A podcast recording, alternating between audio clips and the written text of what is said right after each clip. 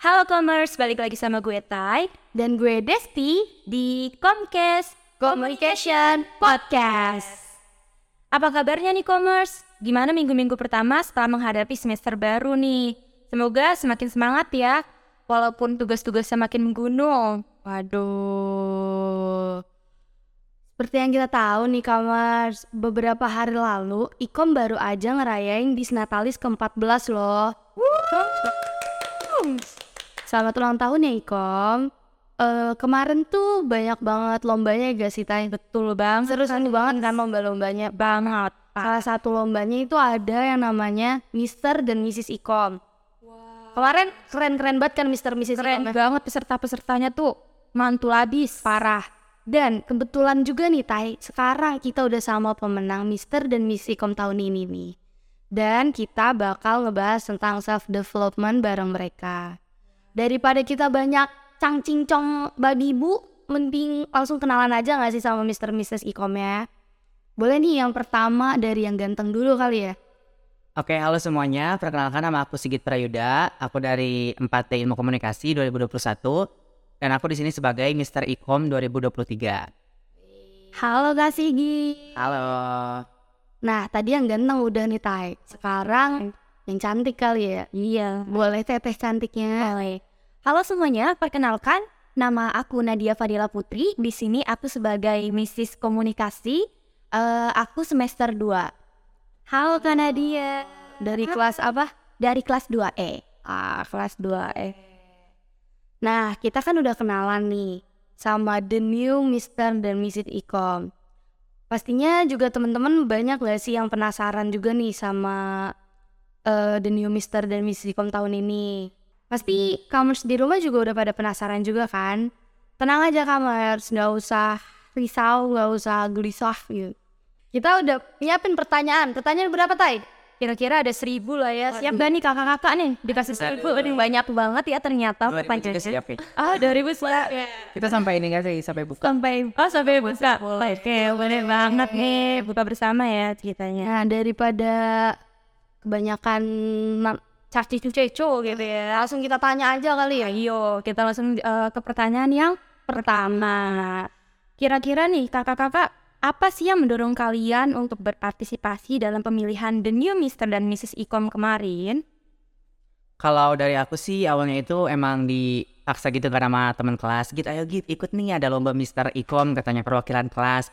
Nah, karena itu jadi eh, termotivasi juga kan. Karena aku tuh aku tuh punya prinsip kalau misalkan di kuliah tuh kita harus ngelakuin harus ngelakuin apa pun yang kita mau, apa pun kesempatan yang datang kepada kita. Jadi eh, apa salahnya gitu mencoba dan ambil kesempatan itu. Betul banget ya Pak Des ya. Berarti emang kita harus mengambil kesempatan yang ada sebenarnya dicoba deh. Selagi bisa kenapa enggak? Gitu. Kalau untuk dari Kak Nadia sendiri nih gimana? Kalau aku sih sebenarnya ya eh, ngegantiin temen aku yang awalnya dia yang ikutan tapi karena dia lagi ada urusan jadi akhirnya aku yang maju buat jadi Mrs. Iko. Tapi ternyata eh, iseng-iseng berhadiah gitu. Awalnya sama sekali nggak berpikir bahwa bakalan eh, dapet eh, Mrs. Ikom ini karena emang peserta yang lain tuh keren-keren banget dan hebat-hebat banget. Iya sih. Yang lain jawabannya tuh beneran yang kayak unexpected banget Bener, loh. bener, bener, bener, bener. Kayak Kita aja nggak berekspektasi sama sekali gitu. Aku juga pas di awal sempat insecure kan, karena kan yang lain tinggi-tinggi banget kan. Sedangkan aku kayaknya yang paling pendek ya di situ. Jadi kayak insecure duluan sebelum menang. Iya. Eh, ternyata menang. Slow-slow ini bukan mencari ajang modeling kok. Jadi nggak dilihat dari fisiknya. Tapi ternyata juga akhirnya Kak Nadia dan Kak Sigit ini menangnya dari Mr. dan Mrs. Ikom. Berarti memang yang terbaik dari yang terbaik kan? Betul. Yang lain juga bukan berarti jelek kan? Iya. Yang lain juga udah keren-keren banget. Betul banget. Oke, lanjut aja yuk Kak ya. Lanjut nih, kan tadi udah ngomongin kenapa eh mau berpartisipasi. Berpartisipasi, ya Allah, ribet. Eh kira-kira kalian ada gak sih visi misinya gitu sebagai the new Mr. dan Mrs. Ikom? Aduh kalau dari aku visi misinya mungkin yang pertama itu lebih memperkenalkan prodi ilmu komunikasi Unsika ke luar sana ya. Karena kan eh, yang kita tahu kalau misalkan kampus kita tuh agak di underestimate gitu Iya, kan, di, agak di underrated. Jadi gimana caranya kita harus bisa memperkenalkan Unsika dan juga prodi ilmu komunikasi. Terus aku tuh mau kalau misalkan mm, sumber daya manusia yang ada di ilmu komunikasi itu bisa bekerja di bidangnya nantinya kayak gitu. Kalau aku sendiri sih eh, ingin mewujudkan sumber daya mahasiswa yang antusias, energik, dan pastinya berprestasi. Supaya nantinya bakalan bisa mengabdi ke masyarakat dengan lebih baik lagi. Itu aja sih kak. Keren banget ya kak ya. Energik, harus energik. Jadi kayak harus semangat ya. Benar, harus semangat dalam mengabdi kepada masyarakat. Tapi emang sebagai eh kaum muda, kaula muda nih, Kaum muda. Kita tuh emang harus semangat gak sih? Benar, benar banget. Gak boleh yang kelemar-kelemar, Iya. lemas, harus berani nyoba hal baru. Betul, betul banget banget. Tuh, kamar, kamar jangan pada lemes-lemes ya. Meskipun lagi puasa nih harus tetap semangat gitu. Ini kok semakin dilihat-lihat ya Kak Sigit sama Kak Nadia ini bener-bener yang kayak hebat dan wow banget nih. Wow. wow. Gitu. Lagi, lagi, lagi. Wow. lagi. Jangan dong kebanyakan ya ada edukasinya. Ya. Ya sampai kayak yang anak ikom banget gitu loh. Eh, akhirnya sampai bisa terpilih jadi Mr. dan Mrs. Ikom 2023. Yang pengen gue tanya nih, kira-kira apa sih tips-tips and triknya dari Kak Sigit dan Kanada ini supaya jadi anak ikom banget gitu? Aduh, Aduh, tips anak ikom banget, anak ikom banget itu yang kayak gimana ya? Pusing juga ya jawabnya. Ah, mungkin di sini bukan tips and trick buat menjadi anak ikom ya, tapi gimana anak ikom itu berperilaku sama ah, kebiasaan anak ikom gitu kan. Ah, biasanya kan kita tahu dari kampus-kampus lain atau di dunia perkuliahan tuh anak ikom tuh terkenalnya sama fashionable gitu kan. Terus tuh bang talk tip orang-orang yang ah, hobi banget apa sih namanya berinteraksi dengan orang lain gitu atau bisa dibilang social butterfly tidak banget. Ah, mungkin untuk menjadi anak ikom tuh eh, kita bisa pede aja kali ya, baik itu pede dalam berpenampilan, pede dalam ngomong di depan umum, sama pede eh, untuk ngomong sama orang lain gitu. Oke. Kalau tips and trick dari Kanadia gimana? Dari aku sendiri ya, gimana caranya buat jadi anak ikom banget? Betul. Eh, buat jadi anak ikom banget yang seperti kita tahu ciri khas anak ikom tuh ya yang rame banget gitu sama kayak yang kata Kak Sigit bahwa emang social butterfly gitu. Dan menurut aku anak ikom banget itu kelihatannya dari eh, kita tuh harus berani tampil di depan gitu. Jadi nggak ka- kan biasanya kita eh, suka takut gitu kan, an- apalagi yang introvert introvert kayak gitu. Nah eh, salah satu caranya yaitu kita harus bisa mau dan berani untuk tampil di depan sih. Oke, berarti syaratnya itu harus berani dulu ya kayak nah benar gitu untuk urusan bener nggak benernya belakangan aja namanya juga lagi belajar gitu kan Coba dulu. iya Kalau nggak nyoba kita nggak ada tahu. gitu lanjut yuk kak Lanjut. Nih kan tadi ngomongin yang penting berani tampil di depan. Gimana sih eh, tips dari Kak Sigit dan Kanadia buat berani buat tampil di depan, percaya diri, terus kayak pokoknya berani deh gitu. Soalnya kan kemarin eh, Mr. Mrs. Ikomnya yang lain-lain, yang lain-lain gitu, yang lain kan juga pada bagus-bagus, pede-pede. Nah gimana tuh kalian? Nah Kalau- itu. Kalau dari aku sih untuk meningkatin kepedean sih, aku tuh punya prinsip atau punya mindset gitu kalau misalkan ah, di sini kan di dunia ini ada 7 miliar orang ya dan no one cares about you.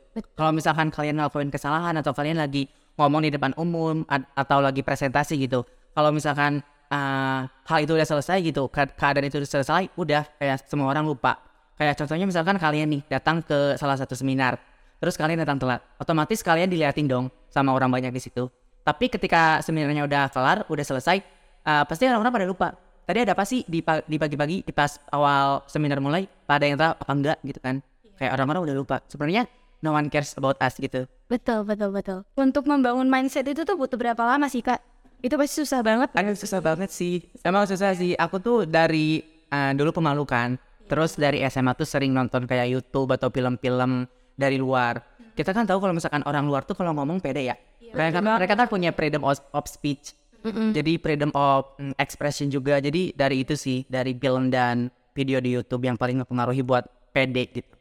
Oke terima kasih banyak ya kak Sigit kalau Kanada sendiri gimana nih Kalau eh, aku sendiri gimana caranya untuk meningkatkan pede? Sebenarnya alasan kenapa kita tampil di depan umum merasa nggak pede itu adalah karena kita tuh takut kan. Kita tuh takut melakukan kesalahan, kita takut ternyata penampilan kita buruk.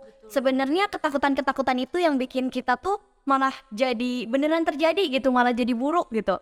Eh, salah satu aku pernah baca salah satu novel itu judulnya bicara itu ada seninya karya Oh Suyam. Di situ dijelaskan bahwa anggap aja audiens itu lagi menyembunyikan lubang dalam kaos kaki di dalam sepatunya. Jadi kita semua tuh pasti punya kekurangan masing-masing tapi ditutupin aja gitu. Supaya apa yang kita tampilin tuh eh apa yang kita tampilin tuh akan apa namanya? yang berdampak iya benar, berdampak baik gitu. Dan emang kalau misalkan kita ngomongin kelemahan atau kita terlalu berpikir ke kelemahan kita, yang nantinya kelemahan itu yang bakalan tanpa sadar muncul ke permukaan gitu. Jadi intinya ya kita tuh harus berani aja sih. Tadi kan kasih gitu udah ditanya nih, kira-kira butuh waktu berapa lama untuk jadi sepercaya dari sepercaya diri itu gitu. Kalau karena dia sendiri nih butuh waktu berapa lama?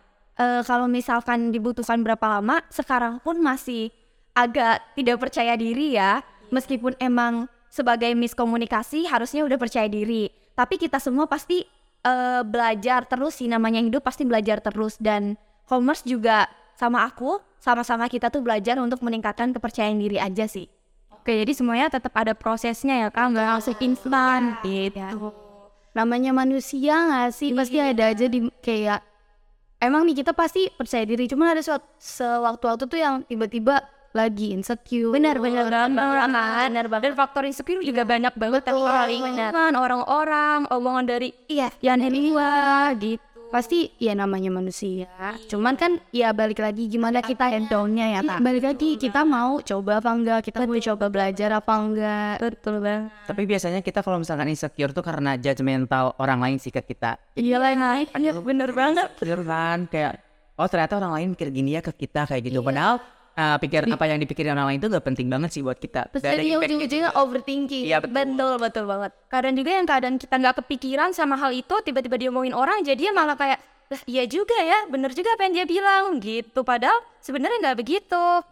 Jadi mengkritik diri sendiri berlebihan gitu ya.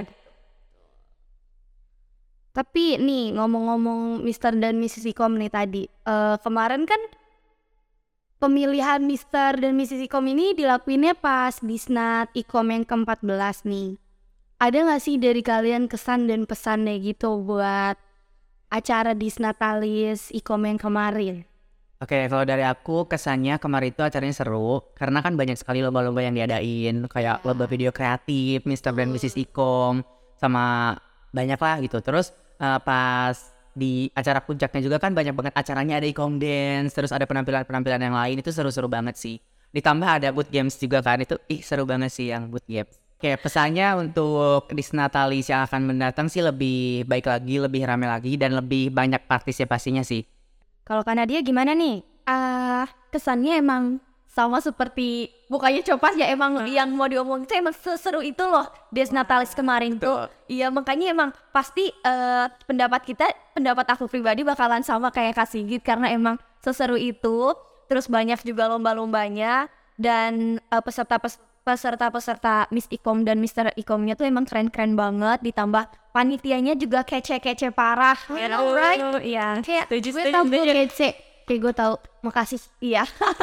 Dan pesannya sih berharap bahwa tahun depan bakalan lebih pecah lagi ya, lebih seru lagi gitu. Terus ditambah lebih banyak partisipasi biar makin apa ya? meledak gitu loh. Ya meledak. Kompor gas kali ya. Gak apa-apa. Em, ini meledaknya dalam artian yang bagus kan? Bagus, iya. Dalam artian yang positif. Oke, tadi tuh kita udah ngomongin tentang visi dan misi, terus juga kita udah ngomongin tips and trick, terus juga tentang nge-build up self-confidence dan public speaking. Nah, eh, untuk pertanyaan yang terakhir nih, kira-kira bisa nggak ya Mr. dan Mrs. Ikom kebanggaan kita nih nyampein harapan untuk program studi ilmu komunikasi di masa yang akan mendatang? Oke, kalau dari aku harapan buat program studi ilmu komunikasi Unska ini ke depannya lebih baik lagi. Kemudian semoga aja bisa, semoga bisa menciptakan bibit-bibit unggul atau orang-orang yang bisa kerja di bidangnya nanti. Terus semoga dalam hal apa ya namanya fasilitas juga ya. Betul. Semoga lebih baik lagi ke depannya. Amin. Kita dia mau nambahin.